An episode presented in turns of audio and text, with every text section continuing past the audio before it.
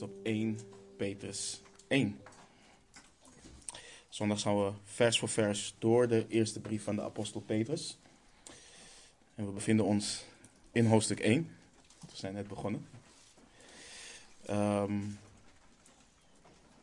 laten we de tekst lezen, vervolgens bidden en dan het woord van de Heer uh, ontleden. We lezen Petrus, of 1 Petrus 1, vanaf vers 1. Petrus, een apostel van Jezus Christus, aan de vreemdelingen in de verstrooiing in Pontus, Galatië, Cappadocië, Azië en Bithynië. Uitverkoren overeenkomstig de voorkennis van God de Vader door de heiliging van de Geest, tot gehoorzaamheid en besprenkeling met het bloed van Jezus Christus. Mogen genade en vrede voor u vermeerderd worden. Laten we bidden. Machtige Vader, we danken u, Heer, voor deze woorden ingegeven door u, Heer. Heer, wat wij lezen is uw woord. En uw woord is goed. En we bidden, Heer, dat het doet waartoe u het gezonden hebt, Heer, bij een ieder van ons. We bidden dat het ons als gemeente mag opbouwen, ons mag sterken, versterken in ons geloof, in onze wandel, Heer. Mogen het ons meer vormen naar het evenbeeld van onze Heer Jezus Christus. Mogen het ons brengen tot aanbidding van u in geest en waarheid, Heer. We houden van u, we danken u en bidden alles in Jezus' naam. Amen. Vorige week zijn we begonnen met onze vers voor vers reis door deze brief. En vorige week hebben we vanuit een helikopterview gekeken naar de context en overal boodschap uh, van de brief. En vanaf vandaag duiken we er dan echt in. En dan gaan we echt vers voor vers door de brief heen. Um, en de reden dat we vandaag slechts bij deze twee versen stilstaan, is omdat in de context van deze brief deze twee versen fundamenteel zijn in het gehoor geven aan de aansporingen die zich in de rest van de brief bevinden. Een inmiddels overleden en, en welgerespecteerde voorganger, uh, die zo'n 30 jaar in Londen heeft gediend, zei dat een van de grootste noden uh, uh, van christenen is om te worden wie ze al zijn in Christus. Dus een van onze grootste noden is om te worden en om te wandelen als wie we al zijn in Jezus Christus. Want wat gebeurt er meestal wanneer iemand tot geloof komt? Waar neigen we het eerste naar om ze te leren? We neigen naar hè, om ze de Bijbel te leren lezen, om de samenkomsten niet te verzaken. We leren dat ze moeten bidden. We leren ze om te doen. Vooral om veel te doen. Begrijp me niet verkeerd. Al deze dingen die ik net opnoemde, allemaal zijn essentieel. Al deze dingen zijn onmisbaar en belangrijk in het leven van een discipel. We lezen bijvoorbeeld 1 Petrus 1 Petrus 2 vers 2 en verlang vurig als pasgeboren kinderen naar de zuivere melk van het woord, opdat u daardoor mag opgroeien. Essentieel. Je Bijbel lezen, essentieel. We lezen Hebreeën 10, vers 25. Laten wij de onderlinge bijeenkomst niet nalaten, zoals het bij sommigen de gewoonte is, maar elkaar aansporen en dat zoveel te meer als u de grote dag ziet naderen. Dus we sporen rechtmatig aan om de samenkomsten niet te verzaken. Colossense 4, vers 2. Hou sterk aan in het gebed en wees daarin waakzaam met dankzegging. Dus de schrift leert al deze dingen en een discipel van de Heer Jezus doet er goed aan om acht te slaan op de dingen die er staan en daarin te wandelen. Dit is onmisbaar in ons leven. Maar er is een stap die we vaak overslaan. Een stap die Petrus niet overslaat in zijn brief. Waar hebben we vorige week bij stilgestaan? Petrus schrijft aan discipelen die te maken hebben met vervolging, met verdrukking, met gelaster. Ze worden gelasterd. Niet omdat ze kwaaddoeners zijn, maar simpelweg om, omwille van hun geloof in de Heer Jezus Christus. Omdat ze christenen zijn. En ik weet niet hoeveel van jullie on, onrechtmatig gelasterd zijn omwille van je geloof in Jezus Christus. wat ik vaak zie, wat ik, wat ik vaak heb gezien en hoor me goed, het is niet gek dat dit gebeurt. Maar wat gebeurt er wanneer je gelasterd wordt, wanneer je vervolgd wordt? Twijfel, verwarring, ontmoediging. En het gebeurt niet bij iedereen, maar dit zijn gevoelens en gedachten die over de christen kan komen wanneer dit soort dingen gebeuren. En waar dien je dan aan herinnerd te worden? Niet simpelweg aan het feit dat je alleen je Bijbel moet lezen, dat je de samenkomsten niet moet verzaken en dat je moet bidden zonder ophouden. Je moet herinnerd worden aan wie Jezus Christus is en wie jij bent in en door Hem. Daar dienen wij aan herinnerd te worden. Wat jouw identiteit is in Christus. En als wij als discipelen van de Heer Jezus, als we als kinderen van de levende God stand willen houden, te midden van alle uitdagingen in het leven, dan dienen we te weten wie we zijn als kinderen van God. Gegrond zijn in de waarheid hiervan zal ons bewapenen tegen de leugens van de wereld, tegen de leugens van de vijand en tegen de leugens die opkomen in mijn eigen gedachten vanwege de emoties die de overhand willen nemen in bepaalde situaties. Jij en ik moeten weten en gegrond zijn in wat de Heere God gedaan heeft om ons met zichzelf te verzoenen. Dan gaan we stand houden. Nou, ik ga later ga ik in op het woord vreemdelingen, maar voor, en vorige week zei ik het al, dat dit meerdere malen terug gaat komen in deze serie. Dit is cruciaal, maar let op vers 2. Als je de herziene statenvertaling leest, dan zie je dat vers 2 begint met het woord uitverkoren. In de statenvertaling staat er den uitverkorenen. En voor jullie, voor jullie beeldvorming, dit woord is al honderden jaren een punt van verhitte theologische discussies binnen de kerk. Het gaat om iets wat theologen de leer of de doctrine van uitverkiezing noemen. En voor de mensen die veel Engelstalige preken luisteren, luisteren election. Dat woord kennen velen van ons. Wat ook wel verbonden is met predestination, voortbestemming. En ik ga niet in detail over wat de verschillende kampen zeggen en dan een kant kiezen. We gaan gewoon kijken, nou wat zegt de schrift? Dat is wat we doen. Wat zegt de schrift? Wat ik wel wil zeggen is dit. Bedenk dat Petrus dit woord gebruikt en het niet uitlegt aan zijn lezers. Hij verklaart het niet nader. En wat zegt dit ons? Dit is iets waar de, waar de oorspronkelijke lezers mee bekend waren. Ze wisten wat dit betekende. Dit is geen doctrine of uitvinding van de 5e of 17e eeuw. De heiligen in Pontus, in Galatië, in Cappadocië, in Azië, in Bithynië, die wisten wat het betekende om uitverkoren te zijn overeenkomstig de voorkennis van God de Vader. Zij wisten wat dit betekende, omdat het ze geleerd is. En dit houdt in dat dit iets is wat ook nu en vandaag onderwezen dient te worden, omdat het zoals voor hen een bemoediging en troost was, het ook voor ons een bemoediging en troost is.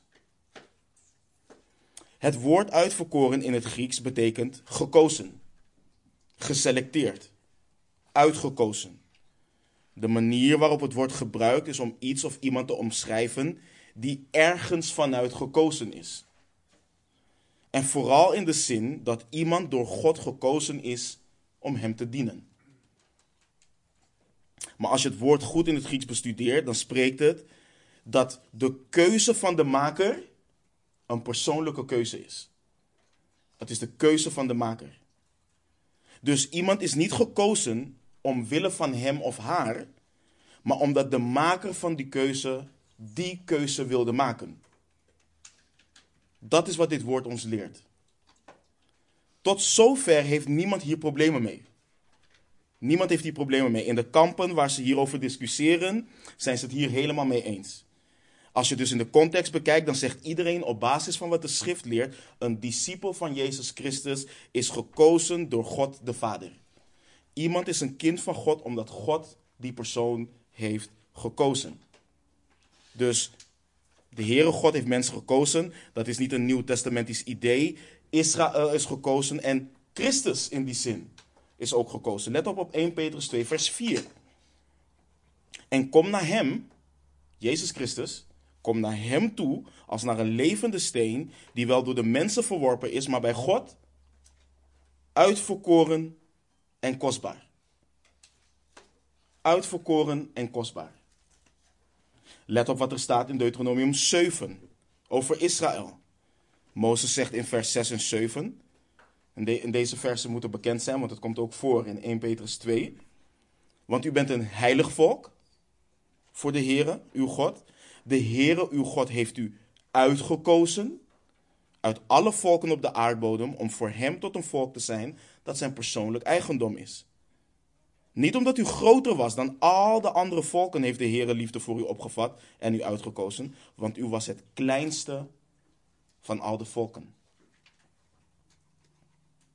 Dus wie dan ook een verzoenende relatie heeft met de Heere God, die heeft dat altijd omdat de Heere God heeft gekozen. Dat de Heere God dat heeft bepaald. Hij wilde het.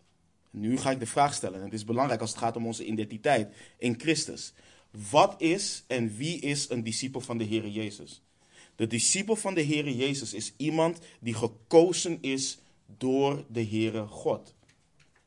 Dat is wat Petrus schrijft. Een discipel van de Heer Jezus is uitverkoren. Je bent gekozen door God de Vader.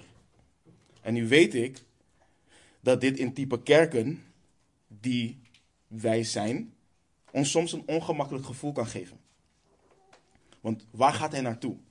Gaat hij de richting op wat je in veel charismatische kerken hoort? Uh, gaat dit om mij draaien? Sta ik centraal in de uitverkiezing? Maar de vraag is, en, en, en het antwoord is natuurlijk gewoon volstrekt niet, het draait niet om ons. Maar de vraag is wel, gaan we nu, omdat bepaalde denominaties aan de haal zijn gegaan met bepaalde woorden die in de Bijbel staan, wegblijven van die woorden? Ik denk het niet. Dit is wat Petrus onder leiding van de Heilige Geest schrijft. Uitverkoren. Dit is onderdeel van de identiteit van een discipel van de Heer Jezus Christus. Je bent uitverkoren, je bent gekozen. Let op een aantal versen, te beginnen met wat Paulus schrijft aan de Efeziërs. Efeze 1, vers 3 en 4. Gezegend zij de God en Vader van onze Heer Jezus Christus, die ons gezegend heeft met alle geestelijke zegen in de hemelse gewesten in Christus. Waarom? Omdat Hij ons voor de grondlegging van de wereld in Hem uitverkoren heeft, opdat wij heilig en smetteloos voor Hem zouden zijn in de liefde. Dus Efeze 1, vers 3 en 4. Ga nu naar Romeinen. Romeinen 8, vers 33. Wie zal beschuldigingen inbrengen tegen wie? De uitverkorenen van God. God is het die rechtvaardigt.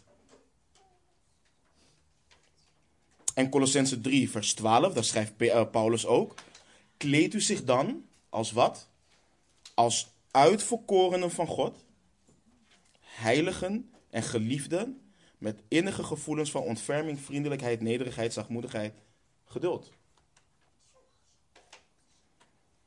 Aan de Thessalonicensen schreef Paulus: Wij danken God altijd voor u allen. In 1 Thessalonicense 1, vers 2 en 4. Tot en met 4.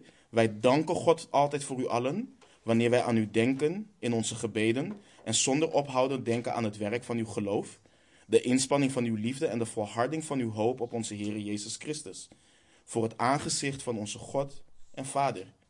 Wij weten immers, geliefde, van wat weet Hij? Van uw verkiezing door God. En jullie zien, voor de oplettende, dat ik in alle versen wat heb gemarkeerd en onderstreept. In Hem, van God, van God en door God. Waarom? Omdat ik wil dat jullie hier zien dat het niet gaat om ons. We zijn wat we zijn en wie we zijn niet door ons, maar in en door Hem. En dit brengt hoop, dit brengt troost en dit brengt bemoediging. Want ik ben wat ik ben in en door Hem en ik zal zijn wat ik zal zijn bij Zijn verschijning in en door Hem. Het is niet mijn verdienste. Ik kan niet hoogmoedig zijn. Ik kan niet roemen in mezelf. Ik kan en moet enkel en alleen roemen in Jezus Christus. Want in Hem ben ik uitverkoren. In Hem ben ik gekozen. Dus wat is een christen? Wat is een discipel? Uitverkoren. Uitgekozen. In Christus. Voor de grondlegging van de wereld. Voordat je geboren was. Voordat de aarde gevormd was. Heeft God de zijnen gekozen. En we gaan zo, zo in op de implicaties hiervan in de context van deze brief. Maar laten we het verder ontleden, want Petrus is nog niet klaar. Let op wat er verder staat. Dus Petrus schrijft: Uitverkoren overeenkomstig de voorkennis van God de Vader. Let nu op het woord voorkennis, want hier, hier ontstaat alle discussie. Hier ontstaat het. De een zegt, voorkennis betekent dat de Heere God vooruitkeek en wist dat je voor hem zou kiezen en je daarom heeft gekozen. Omdat hij van tevoren te kennen heeft gekregen dat je voor hem zou kiezen. De ander zegt nee, nee, nee, nee, nee, nee, nee. Voorkennis betekent dat hij het weet, omdat hij het heeft vastgesteld dat het zou gebeuren. Hiermee zeggen ze dus dat hij de voorkennis had dat je voor hem zou kiezen, omdat hij jou heeft gekozen, omdat hij heeft vastgesteld dat jij zijn kind zou worden. En je ziet al waar dit heen gaat. Je ziet al waar dit heen gaat. Want voordat je het weet, voordat je het weet, bevind je je hier midden in een filosofische discussie. Voordat je het weet. En die discussie ga je willen winnen en onderbouwen met de Bijbel. Want dan gaan mensen vragen: oké, maar hoe zit het met vrije wil? Eh, heb ik keuze in het leven? Kan ik zelf kiezen? Eh, hoe zit het daarmee? Maar wat wij moeten weten is dit. In de context van de Bijbel, die hele discussie over vrije wil, het komt niet voor. Het komt niet voor. Het is iets wat onbekend was. Het was buitenaards in de gedachten van Joden. Zij waren helemaal niet bezig met: heb ik vrije wil, heb ik God gekozen? Ja, nee. Dit is iets wat van Griekse filosofie de kerk is ingeslopen. Want nu willen we gaan bepalen hoe soeverein en tot waar reikt de soevereiniteit van God. Maar dan vergeten we versen als mijn wegen zijn niet als jouw wegen, mijn gedachten zijn niet jouw gedachten. En we doen er goed aan, we doen er goed aan als discipelen om te zeggen soms, ik weet het niet. Ik weet het niet. Want dan komt ook, heeft hij anderen dan niet gekozen? En heeft hij dan anderen voorbestemd om dan verloren te gaan? weet je wat het is, broeders? De schrift geeft het antwoord. En het antwoord is duidelijk.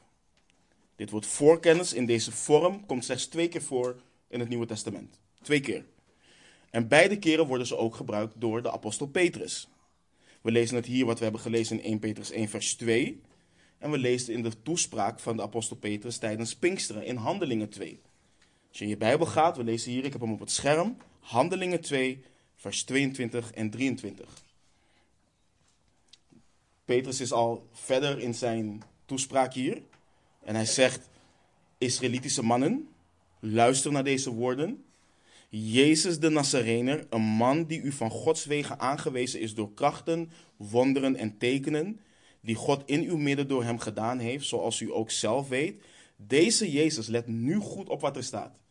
Deze Jezus, die overeenkomstig het vastgestelde raadsbesluit en de voorkennis van God overgegeven is, hebt u gevangen genomen en door de handen van onrechtvaardigen aan het kruis gespijkerd en gedood. Nu moeten we de vraag stellen, broeders en zusters. Heeft God door de tijden heen gekeken en gezien dat ze dat zouden doen en gezegd: Oké, ik ga hem maar overgeven en kies ervoor om mensen op deze manier te verzoenen met mij? Nee. We weten dat de schrift dat niet leert. We weten van de grondlegging af van de wereld af is het lam van God geslacht. Dit is wat de schrift leert. Jezus Christus is overeenkomstig het vastgestelde raadsbesluit volgens de voorkennis van God. God heeft bepaald dat hij overgegeven zal worden. Op het uur waarop hij overgegeven zal worden, ook degene die Johannes kennen, Wat zien we continu door Johannes? Zijn uur was nog niet gekomen. Het was nog niet zijn uur. Het was nog niet zijn uur. God heeft bepaald dat hij overgegeven zal worden, gevangen genomen zal worden en door de handen van onrechtvaardigen aan het kruis gespijkerd en gedood zal worden. God, was, God was daar niet in, hij was niet reactief daarin. Hij heeft dat bepaald. Hij heeft dat bepaald. We gaan weer terug naar Efeze 1. We hebben net versen 3 en 4 gelezen, maar we lezen hem door tot vers 6 nu. Gezegend zij de God en Vader van onze Heer Jezus Christus, die ons gezegend heeft met alle geestelijke zegen in de hemelse gewesten in Christus, omdat Hij ons voor de grondlegging van de wereld in Hem uitverkoren heeft, opdat wij heilig en smetteloos voor Hem zouden zijn in de liefde. Hij heeft ons voorbestemd om als Zijn kinderen aangenomen te worden, door Jezus Christus in zichzelf, overeenkomstig het welbehagen van Zijn wil, tot lof van de heerlijkheid van Zijn genade waarmee Hij ons begenadigd heeft in de geliefde. Broeders en zusters, God heeft bepaald wanneer de wereld zal beginnen. Hij heeft bepaald wanneer de wereld zoals we die kennen nu zal eindigen. Hij heeft bepaald hoe hij mensen zal verzoenen met zichzelf. Hij heeft dat alles in zijn liefde, in zijn genade, in zijn heiligheid, in zijn wijsheid, in zijn barmhartigheid, in zijn rechtvaardigheid. In zijn almacht, in zijn soevereiniteit heeft hij dat gedaan. Niets en niemand heeft hem daarin beïnvloed. Niets en niemand. Zoals ik net zei, Christus is op het vastgestelde uur overgeleverd. Hij is op het vastgestelde uur opgewekt uit de dood. Hij is, hij is op het vastgestelde uur opgevaren naar de hemel aan de rechterhand van de Vader. En hij zal op het vastgestelde uur komen. Dit is wat de schrift leert.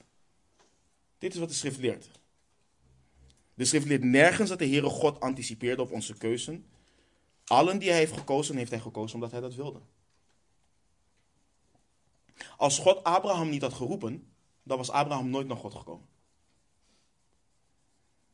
Als God het hart van Lydia niet had geopend, dan had Lydia nooit acht geslagen op de woorden van de apostel Paulus. Als de Vader ons niet had gegeven aan de Zoon, dan zouden we nooit tot de Zoon zijn gekomen. En voor de mensen die bang zijn, want dat is ook een ding, de mensen die bang zijn dat deze doctrine hoogmoed en passiviteit teweeg brengt, wees gerust. De persoon die hoogmoedig is over zijn zaligmaking en denkt dat ze specialer of boven een ander staan, die zal verrast worden. Wat de juiste reactie hierop is, nederige dankbaarheid. Dat is de juiste reactie hierop. Nederige blijdschap en vreugde. Waarom? Want God heeft ervoor gekozen jou lief te hebben, terwijl je het niet verdiende.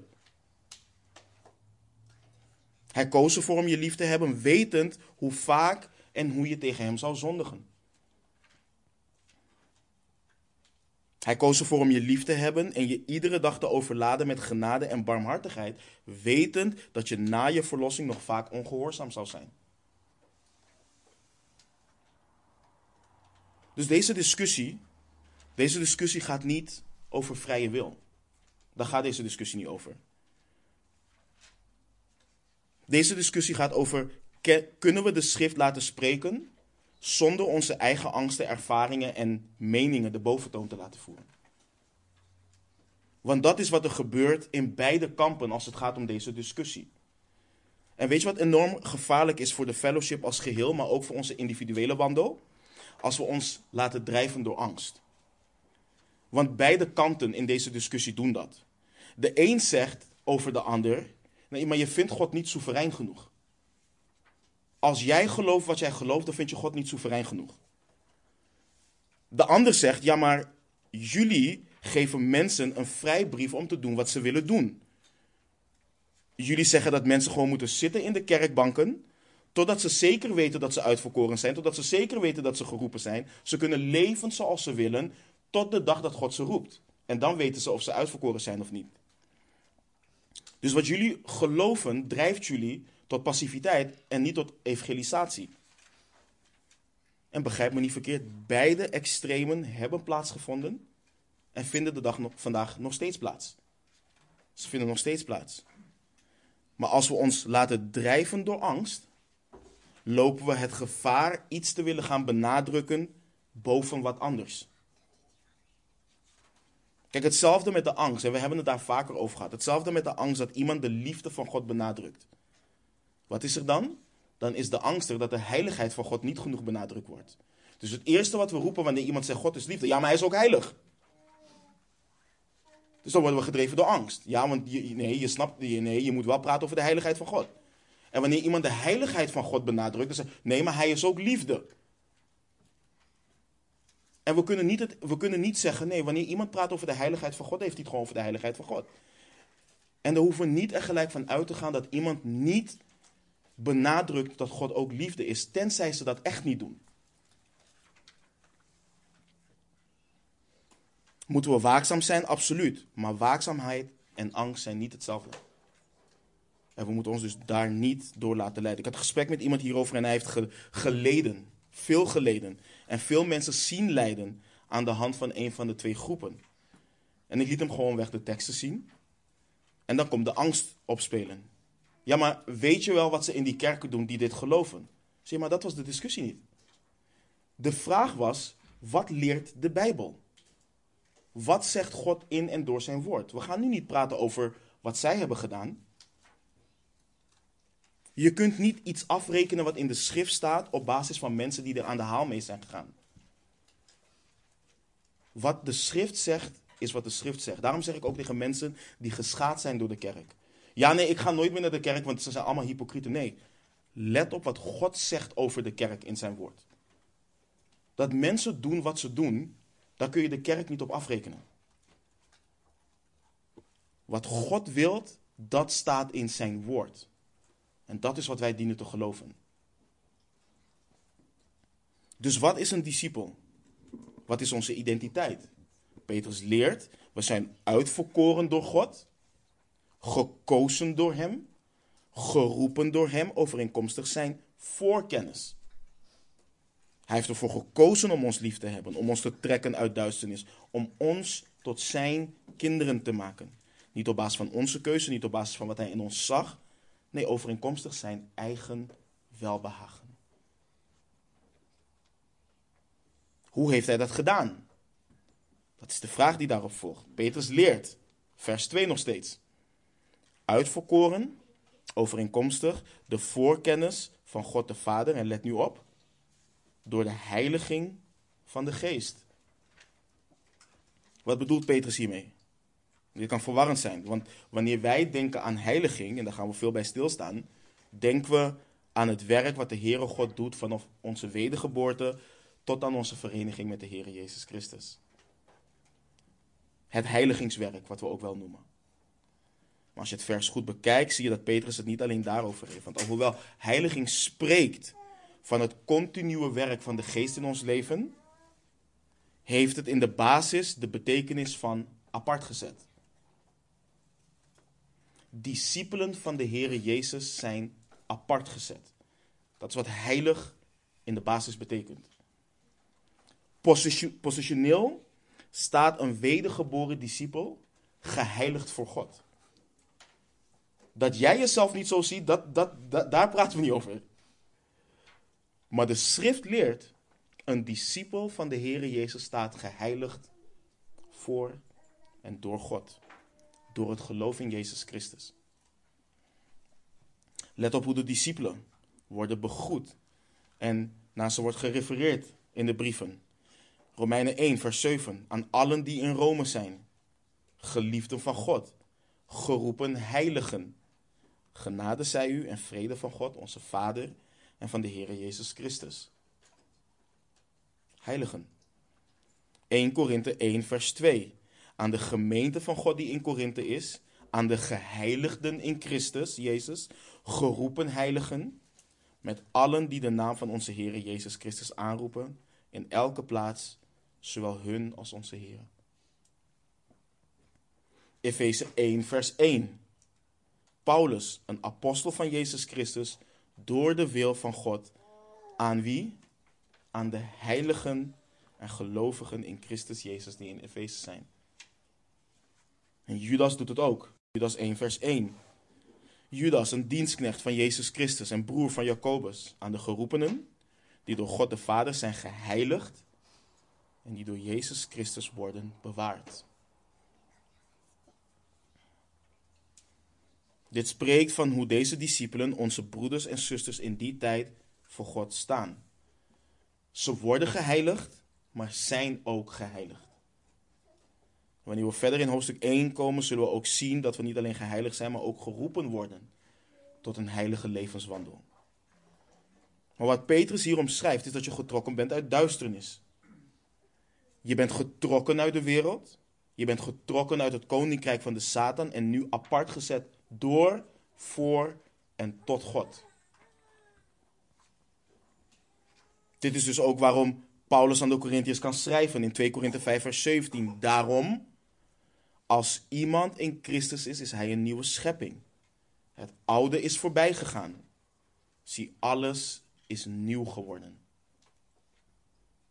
Je bent niet meer dezelfde persoon. Je behoort niet meer tot deze wereld. Je behoort, niet, je behoort de vijand niet meer toe. Je bent geen slaaf meer van de zonde. Je bent geen verdorven, ellendige zondaar meer die zijn vlees gehoorzaamheid verschuldigd is. Nee, je bent apart gezet. Je bent geheiligd. Je bent geroepen uit de wereld en apart gezet in het koninkrijk van God. Let op hoe Paulus dit omschrijft aan de heiligen in Kolossen. Daarbij, in Colossense 1, uh, vers 12 en 13. Daarbij danken wij de Vader, die ons bekwaam heeft gemaakt om deel te hebben aan de erfenis van de heiligen in het licht. Wat heeft hij gedaan? Hij heeft ons getrokken uit de macht van de duisternis en overgezet in het koninkrijk van de zoon van zijn liefde. Dus wat is onze identiteit? Wat is onze identiteit? We zijn uitverkoren. We zijn geroepen voor de grondlegging van de wereld. Gekozen door de Vader overeenkomstig zijn welbehagelijke wil. Apart gezet. Heiligen, we zijn geheiligd door de heiliging van de Geest. Zie je jezelf zo? Maar wat nog meer? Laten we vers 2 verder lezen. Dus uitverkoren, overeenkomstig de voorkennis van God de Vader, door de heiliging van de Geest. En dan schrijft Petrus, tot gehoorzaamheid en besprenkeling met het bloed van Jezus Christus. Tot gehoorzaamheid en besprenkeling met het bloed van Jezus Christus. Petrus leert dat we uitverkoren zijn overeenkomstig de kennis van God de Vader door de heiliging van de geest tot gehoorzaamheid en besprenkeling met het bloed van Jezus Christus. Dit is een krachtig werk wat God doet. Let goed op, voor onze bekering waren wij God vijandig gezind. We waren niet neutraal. We waren hem vijandig gezind. En dit is een groot contrast wat het nu is. Let op hoe Paulus het bijvoorbeeld omschrijft in uh, Romeinen 8, vers 7 tot en met 10. Let op het contrast wat hij schetst. Immers, het denken van het vlees is vijandschap tegen God. Het onderwerpt zich namelijk niet aan de wet van God, want het kan dat ook niet. En zij die in het vlees zijn, kunnen God niet behagen. Sorry. Het onderwerpt zich namelijk niet aan de wet van God, want het kan dat ook niet. En zij die in het vlees zijn, kunnen God niet behagen. Maar u bent niet in het vlees, maar in de geest, wanneer althans de geest van God in u woont. Maar als iemand de geest van Christus niet heeft, die is niet van hem. Als Christus echter in u is, dan is het lichaam wel dood vanwege de zonde, maar de geest is leven vanwege de gerechtigheid. Dus de uitverkorene, de geheiligde, heeft nieuwe verlangens. Een nieuwe wil. En die wil is overeenkomstig de wil van God. De uitverkorene gehoorzaamt Jezus Christus. Als eerste in de oproep van het evangelie om zich te bekeren en te geloven in het goede nieuws. Maar ook om een leven te leiden van continue gehoorzaamheid aan de Heere God. De uitverkorene verheugt zich in de geboden van God die gehoorza gehoorzaamt ze van harte, want Gods geboden zijn geen zware last. De nieuwe mens in en door Christus wordt gekenmerkt door gehoorzaamheid, Omdat hij geroepen is tot gehoorzaamheid. Wat leerde apostel Johannes in zijn korte maar krachtige brief? 1 Johannes 5, vers 1 tot en met 3. Ieder die gelooft dat Jezus, dat Jezus de Christus is, is uit God geboren. En ieder die hem lief heeft, die geboren deed worden, heeft ook lief wie uit hem geboren is. En let op wat hij schrijft. Hieraan weten wij dat wij kinderen, dat wij de kinderen van God lief hebben. Wanneer wij God lief hebben en zijn geboden bewaren. Want dit is de liefde tot God. Dat wij zijn geboden in acht nemen en zijn geboden zijn geen zware last. En wat doet Johannes? Johannes bouwt simpelweg verder op de woorden van de Heer Jezus zelf in Johannes 14 en Johannes 15 over gehoorzaamheid aan Hem. Johannes brengt niet iets nieuws hier. Discipelen van Jezus Christus zijn geroepen tot gehoorzaamheid aan Hem. En het is belangrijk voor ons om te weten, kijk, het maakt niet uit, het maakt niet uit hoeveel iemand zegt te houden van de Heer Jezus Christus. Het maakt niet uit hoe vaak iemand bidt, hoe vaak iemand een samenkomst bezoekt. Als iemand wordt gekenmerkt door ongehoorzaamheid aan de Heer, dan heb je niet te maken met een wedergeboren discipel van de Heer Jezus. En ik spreek niet hier van iemand die worstelt met zonde. Ik spreek niet van iemand hier die gevallen is in zonde. Ik spreek hier van iemand die een leven leidt die niet gekenmerkt wordt door heiligheid en door gehoorzaamheid. Zo iemand leeft niet als iemand die getrokken is uit duisternis. Hoe oprecht, hoe lief iemand ook mag lijken, discipelen van Jezus Christus zijn geroepen tot gehoorzaamheid aan Hem. We lezen het. Dus wat is een discipel? Wat is onze identiteit? Nou, we worden gekenmerkt door onze roeping, onze uitverkiezing, onze positie en onze, onze positionele en continu, uh, continue heiliging voor en door God. En we worden gekenmerkt door gehoorzaamheid aan de Heer, omdat we daartoe geroepen zijn. Maar we zijn ook besprenkeld met het bloed van de Heer, schrijft Petrus. Wat bedoelt hij hiermee? Dus Petrus heeft het hier niet alleen over besprenkeling van het bloed bij onze bekering, wat ons op dat moment heeft schoongewassen en heeft gereinigd. Petrus spreekt hier ook in de continue vorm, als je het Grieks leest. Maar laten we beginnen met de besprenkeling en reiniging bij onze bekering. Let op, let op wat apostel Paulus schrijft in Romeinen 5, vers 9. Veel meer dan zullen wij, nu wij gerechtvaardigd zijn door wat? Door zijn bloed, door hem behouden worden van de toorn. Het bloed van Jezus Christus is onze rechtvaardiging. Dat is onze rechtvaardiging. Met en door het bloed van Christus zijn wij gerechtvaardigd. Je bent niet gerechtvaardigd omdat je een gebedje hebt gedaan, omdat je naar voren bent gegaan tijdens een bepaalde dienst, omdat je lang hebt gehuild en gerouwd hebt over je zonde. Je bent gerechtvaardigd omdat het bloed van het lam van God heeft gevloeid aan het kruis voor jouw zonden. Dat is hoe je gerechtvaardigd bent. Dat is waarom je gerechtvaardigd bent. Net zoals de Israëlieten werden behouden door het bloed bij de tiende plaag. Zo worden alle discipelen van de Heer Jezus Christus behouden door het bloed van Jezus Christus. Gods toorn is van ons geweken. We zijn niet bestemd tot toorn. En als je het ziet in de context van de brief, wat Petrus hier doet, begrijp je waarom deze uh, uh, versen fundamenteel zijn voor de hele brief en alles waartoe we geroepen worden. Dus wij zijn uitverkoren geroepen tot een nieuw verbond. En waarmee is dit verbond ingeluid? Waarmee is dit verbond tot stand gekomen? Door het bloed en met het bloed van het lam. Waar doet dit ons aan denken?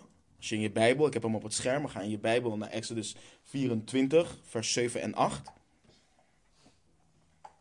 Let op wat er staat. Hij nam het boek van het verbond en las dit ten aanhoren van het volk voor. En zij zeiden: Alles wat de Heere gesproken heeft, zullen wij doen en hem gehoorzamen.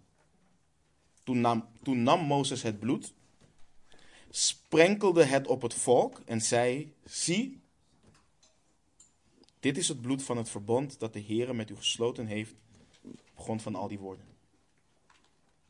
Het is een, het is een bizar idee hè, om te bedenken dat je gereinigd wordt, dat je schoongewassen wordt door bloed. Maar dit is wel wat het is. Door het bloed van Christus zijn wij rein. We zijn Gods volk, we zijn zijn kinderen geroepen tot een heilig verbond, gesloten door de Heere God met ons op grond van het bloed van Jezus Christus.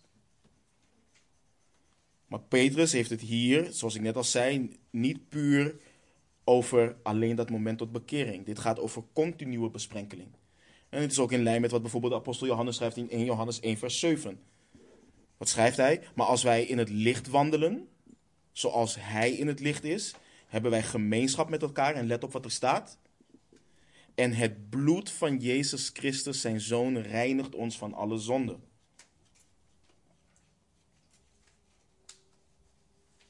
Dus het bloed van Christus is niet alleen voor onze verlossing, maar ook onze continue reiniging en ons behoud. Het reinigt ons van alle zonde in het verbond waarin we leven met de Heere God. Dus niet alleen reiniging om het verbond tot stand te brengen, maar ook continue reiniging als mensen die deel hebben aan het verbond. En waar doet dit ons aan denken? Let op Hebreeën 9, vers 13 en 14. Want als het bloed van stieren en bokken en de as van de jonge koe op de verontreinigde gesprenkeld hen heiligt tot reinheid van het vlees. Let op hoe krachtig het bloed van onze Heer Jezus Christus is. Vers 14. Hoeveel te meer? Hoeveel te meer zal het bloed van Christus, die door de eeuwige geest zichzelf smetteloos aan God geofferd heeft, uw geweten reinigen van dode werken om de levende God te dienen?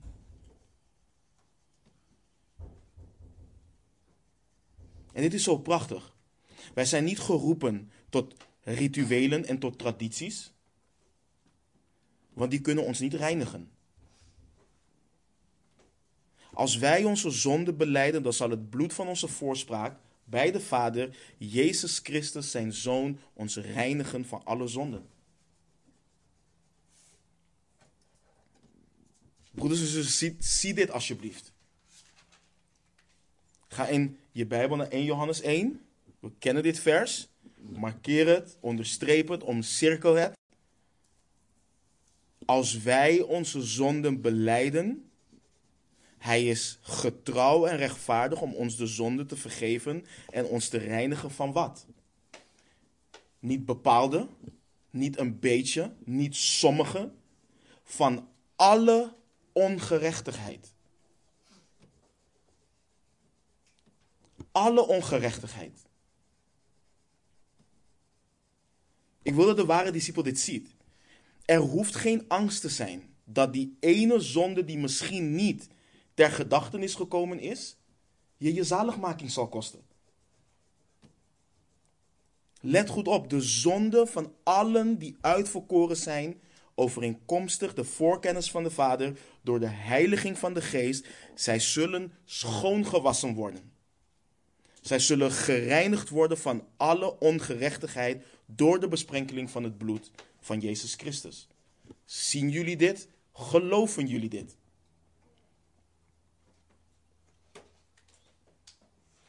En dit is waarom het cruciaal is om een goed fundament te hebben wat betreft onze identiteit in Jezus Christus. En let goed op wat ik ga zeggen.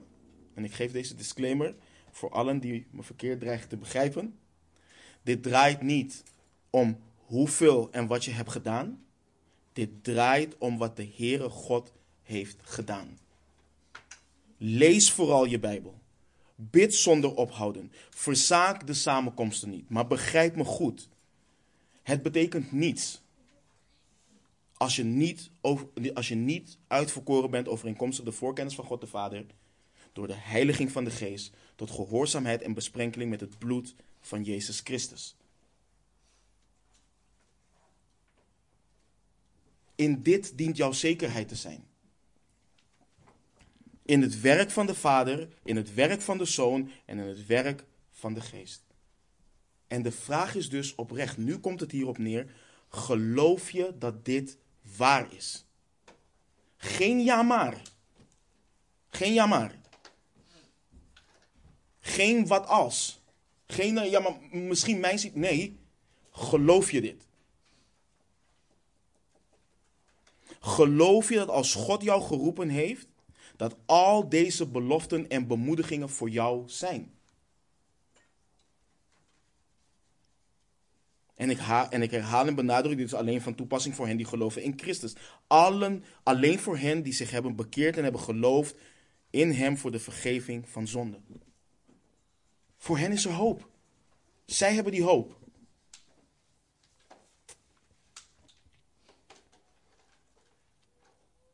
En nu dit. Let op de zegen die Petrus hen toewenst. Nog steeds vers 2. Mogen genade en vrede voor u vermeerderd worden. Wat zijn jij en ik als discipelen? Wij zijn ontvangers van genade en vrede. We zijn ontvangers van Gods genade en zijn vrede. Dat is onze identiteit. En we ontvangen die genade en vrede niet alleen bij onze bekering, bij onze wedergeboorte. Het is iets wat iedere dag nieuw is en het is iets wat blijft vermenigvuldigen in onze wandel als uitverkorenen, als heiligen, als gehoorzame discipelen.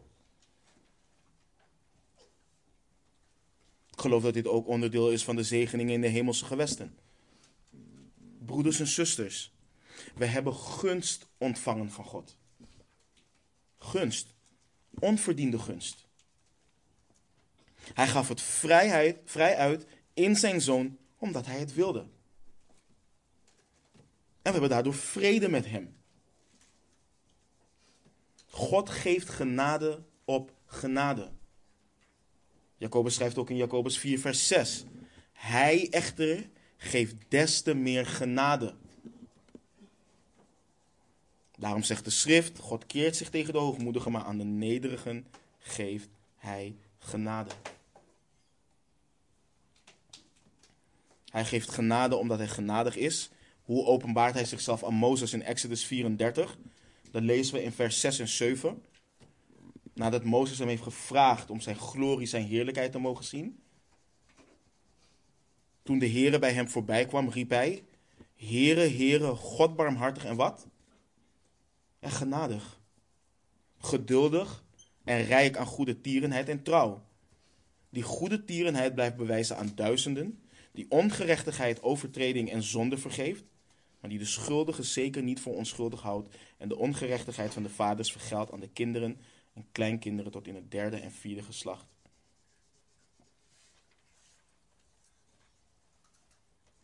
Een vraag die mensen wel eens stellen is: hoe kan ik meer genade en vrede van God ervaren? En ik heb het hier dus niet over de genade en vrede bij bekering, maar over wat Petrus schrijft, dat het vermeerderd wordt. En er zijn in de schrift, als je de schrift goed leest, zijn er twee dingen die ik continu terugzie. Bevind je in zijn woord en bevind je in gemeenschap met hem in gebed. Let op wat de psalmist schrijft. In Psalm 119, vers 165. Wie uw wet liefhebben, wat hebben ze? Hebben diepe vrede. Wie uw wet liefhebben, hebben diepe vrede. Voor hen ligt er geen struikelblok.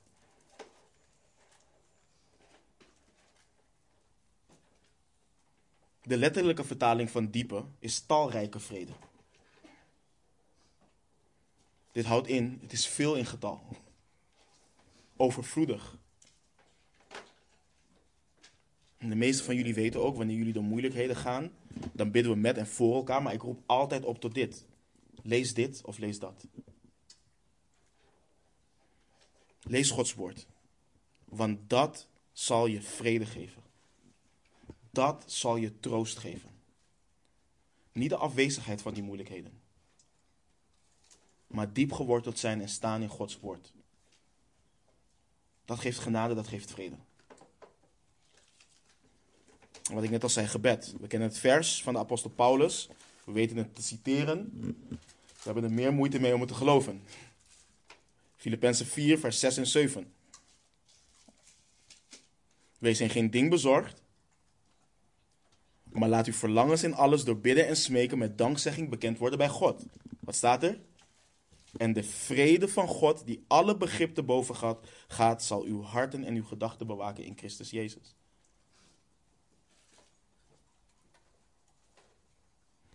Dus wat is de christen? Wat is onze identiteit? We zijn gekozen door de voorkennis van God de Vader.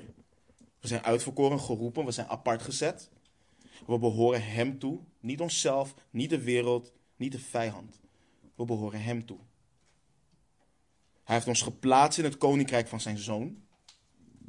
We zijn gehoorzaam, geroepen tot gehoorzaamheid. We zijn en we worden besprenkeld en gereinigd met het bloed van Jezus Christus. We zijn ontvangers van overvloedige genade en vrede. Dat is wat we zijn. En let op wat Petrus schrijft. Hij schrijft niet, mogen jullie het gaan ontvangen. Nee, jullie hebben het al. Hij zegt, mogen het vermeerderd worden. Mogen het meer en meer en meer worden in jullie leven. En nu dit ook. We zijn vreemdelingen. We zijn dit alles terwijl we vreemdelingen zijn. Dat lezen we in vers 1. We zijn voor, voor ons doen, als je het geestelijk bekijkt ook, we zijn buitenaards. We behoren, we behoren hier niet, we zijn op doorreis, dit is niet ons huis. En ik ga dit blijven herhalen, opdat we begrijpen waar onze gedachten en ons hart gezet moeten worden. We zijn vreemdelingen. Verstrooid over de wereld. Maar nu, hoe komt dit nu alles samen in de context van de brief? Hoe passen we dit toe? Waarom is het belangrijk om te weten wat onze identiteit is in de context van deze brief? En hoe is dit als het ware de kapstok van dit alles? Nou, wat hebben we vorige week gezien? Onze broeders en zusters hadden te maken met moeilijkheden. Ze werden geconfronteerd met het leven en de gevolgen van hun loyaliteit aan Jezus Christus. Ze werden vervolgd, ze werden verdrukt, ze werden gelasterd. Denk nu, ik heb het net al gestel, gevraagd aan het begin, maar denk nu aan hoe het voor jou is wanneer je door moeilijkheden heen gaat. Wat is vaak, en niet altijd, maar wat is vaak het eerste wat een discipel zich afvraagt wanneer hij of zij door moeilijkheden heen gaat? Waar is God? Waar is God? Bevind ik me nu wel in de wil van God? Is Gods genade en vrede wel over mijn leven? Gebeurt dit mij omdat God niet van me houdt? En in sommige denominaties zullen ze je zeggen ja. Er is ergens een verborgen zonde in je leven. En dit is niet alleen wanneer we vervolgd, verdrukt of gelasterd worden. De christen neigt ernaar. De christen neigt er op de een of andere manier naar om te denken dat ze iets hebben gedaan en dat God boos op ze is en ze zich niet meer bevinden in de gunst van God. En dit is niet nieuw. Israël deed dit ook. In je Bijbel, Deuteronomium 1, vers 27 tot 33. Mozes herinnert hen aan hun verleden. Dus in de context, ze zijn gestuurd om het beloofde land in te gaan. Ze willen toch eerst gaan verkennen. ze geloven God niet direct. Dus ze vragen of ze het land kunnen gaan verkennen. God zegt: Oké, ga maar. Ze sturen twaalf verkenners. Die gaan daarheen. Ze komen terug. Ze geven verslag. Twee die zeggen van, dit land, dit land kunnen we innemen. Dit is een goed land. Het is alles wat God beloofd heeft. Tien zeggen, nee, nee, nee, nee, nee. Het is goed, maar we kunnen dit land nooit, nooit innemen. Het zijn grote reuzen, versterkte muren. We kunnen het niet. En op het moment dat die twee dan tegen ze zeggen van nee, luister, laten we God niet ongehoorzaam zijn, willen ze hun stenigen. Maar let op wat Mozes zegt. Kijk, let op de context die hij geeft. U morde in uw tenten en zei, omdat de Heere ons haat, heeft hij ons uit het land Egypte geleid om ons in de hand van de Amorieten te geven, om ons weg te vagen. Waar moeten wij heen trekken? Onze broeders hebben ons hart laten smelten door te zeggen: Het is een volk, groter en langer dan wij. De steden zijn groot en hemelhoog versterkt. Wij hebben er zelfs Enakieten gezien. Toen zei ik tegen u: Schrik niet voor hen terug en wees niet bevreesd voor hen. Let op wat er staat. De Heere uw God, die voor u uitgaat, hij zal voor u strijden. Overeenkomstig alles wat hij voor uw ogen in Egypte voor u gedaan heeft. En in de woestijn, waar u gezien hebt dat de Heere uw God u gedragen heeft, zoals een man zijn zoon draagt, op heel de weg die u gegaan bent. Totdat u op deze plaats gekomen bent. Maar ondanks deze woorden geloofde u niet in de Heere uw God, die voor u uitging op de weg om voor u een plaats te zoeken om uw tenten op te zetten, s'nachts met het vuur, om u de weg te tonen die u moest gaan en overdag met de wolk. Let goed op de details. En let goed op hoe wij ons hier ook schuldig aan maken. Er is hen gewezen op de God die voor hen uitgaat. Dat Hij voor hen zal strijden. Dat Hij hen, niet, dat Hij niet alleen voor hen zal strijden, Hij heeft zijn liefde al laten zien. Want wat heeft Hij gedaan? Hij heeft hen geleid uit Egypte, bevrijd met tien machtige plagen. Hij heeft Farao in het land vernederd. Dat zelf Ragab wist wat daar was gebeurd. Dat heeft hij gedaan. Hij heeft hen gedragen in de woestijn tot het punt waar ze zijn gekomen. En wat is hun reactie? Ongeloof. Hun reactie was omdat de Heere ons haat, heeft Hij ons hier gebracht. En dit is wat ook wij vaak doen te midden van dit soort momenten. We zeggen niet deze woorden. We zeggen niet, nee, God haat me en daarom ga ik hier doorheen. Maar het hart en de gedachte erachter is wel hiermee in lijn. Is Gods gunst niet meer over mij dat ik me nu hiermee bevind? Is hetzelfde. Houdt God wel van mij, want anders zou ik hier niet in zitten. Is exact hetzelfde. En Petrus wil hen en onze gedachten hiervan afhalen. Met deze begroeting, met deze opening. En dit is ook waarom het zo belangrijk is om dit te zien. Ik zei het net al, de discussie van uitverkiezing is niet een discussie over vrije wil of over wie kiest en wie niet kiest. We hebben vastgesteld dat als God niet had gekozen, niemand gered zal worden. Dat is wat de Bijbel leert. Maar het gaat over de implicaties en onze wandel wat voortvloeit uit deze verkiezing. Wat is het ding? Wij als discipelen, wij moeten leren ophouden te denken dat het minste of geringste wat in, onze leef, in ons leven gebeurt, een reden is om te twijfelen aan de gunst van God over ons leven. Dat is iets waar we mee moeten stoppen.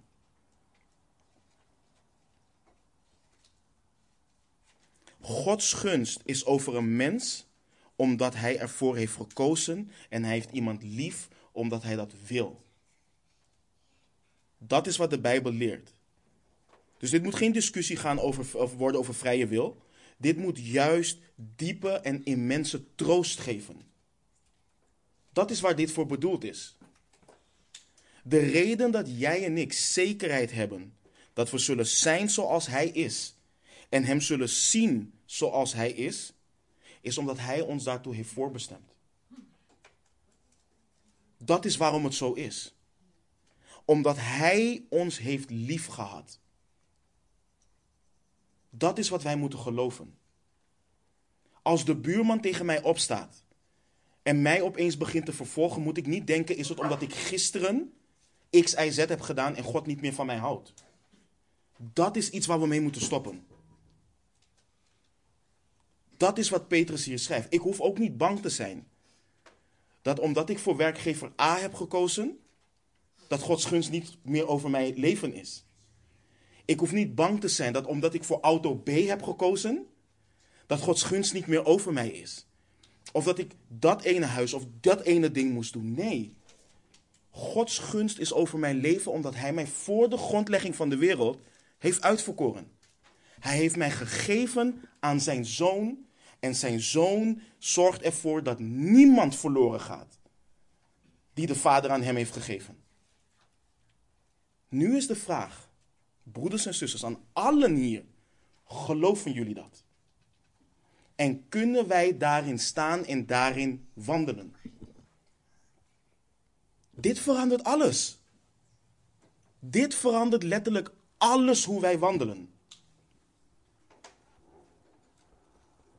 Ik ben in zijn goede gunst, omdat hij ervoor heeft gekozen om mij te overladen met zijn gunst. Prijs de Heere God. Dat is wat we in vers 3 en 4 gaan lezen. Daarom is die uitbarsting van lofprijzing. En is dit dus geen bemoediging om onverschrokken en onwankelbaar te blijven aanhouden, te midden van al hetgeen waar wij als discipelen doorheen gaan? Als ik me in een moeilijk huwelijk bevind, als ik te maken heb met moeilijke en ongehoorzame kinderen, als ik alleen ben, als mijn werkgever mij het moeilijk maakt, mijn familie, mijn vrienden, mijn buren, wat me ook overkomt, ik kan aanhouden, ik kan stand houden, want ik weet dat Hij mij heeft uitverkoren voor de grondlegging van de wereld. Ik weet dat niets mij niet meer niet zijn kind kan maken.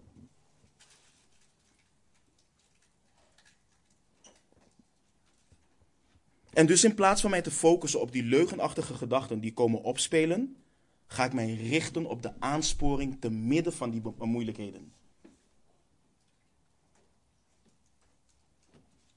Want let, op slechts drie aansporingen die onlosmakelijk verbonden zijn aan wat wij hebben gelezen. Ik noem er maar drie omwille van de tijd. 1 Petrus 1, vers 14 tot en met 16.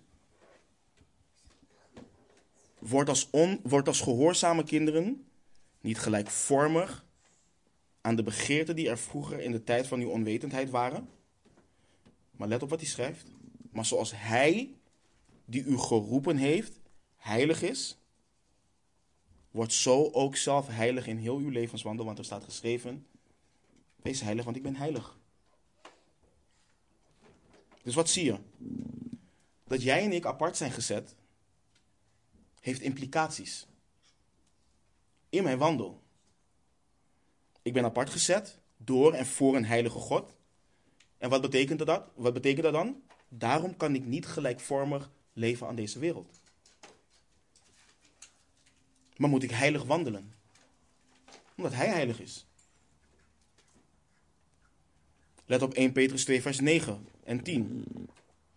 Maar u bent een uitverkoren geslacht, een koninklijk priesterschap, een heilig volk, een volk dat God zich tot zijn eigendom maakte. Herkennen jullie hem? Hebben we net gelezen. Opdat u de deugden zal verkondigen van hem die u uit de duisternis geroepen heeft tot zijn wonderbaar licht. U die voorheen geen volk was, maar nu Gods volk bent. U die zonder ontferming was, maar nu in ontferming aangenomen bent. Hoe werd de hoge priester geroepen tot de dienst van God? Door de besprenkeling van het bloed. En ook zo zijn wij die geroepen zijn, geroepen tot een heilig priesterschap. Met de besprenkeling van zijn bloed.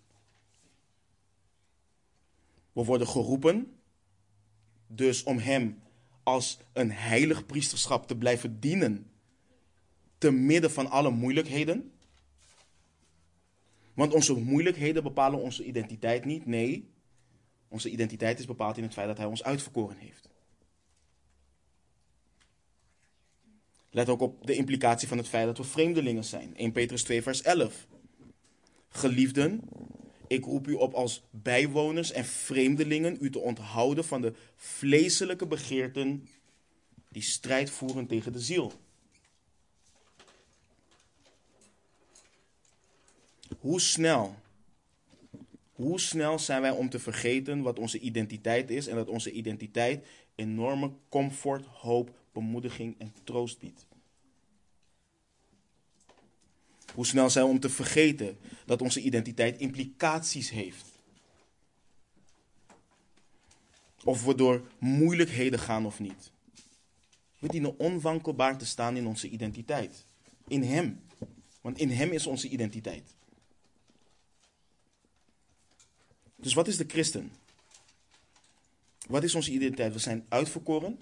We zijn geroepen overeenkomstig de voorkennis van God de Vader. We zijn apart gezet, geheiligd en worden geheiligd in onze wandel door de geest. We zijn apart gezet tot gehoorzaamheid en besprenkeling met het bloed van Jezus Christus. We zijn ontvangers van Gods overvloedige genade en vrede.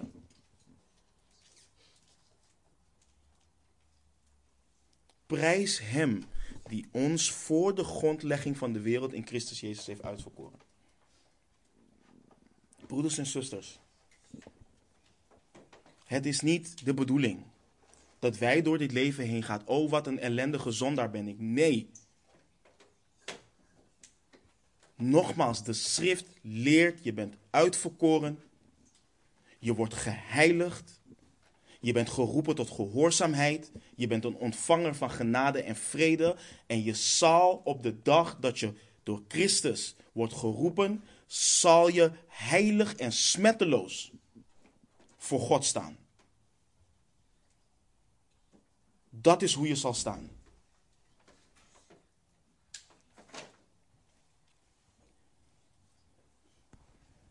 Rouw niet over wat je nog niet bent. Prijs Hem voor wat je al bent en voor wat je zal worden in Hem.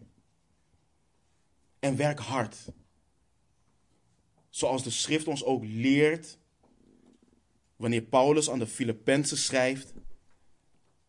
In Filippenzen 2, laten we daar even naartoe gaan. Ik heb hem niet op het scherm.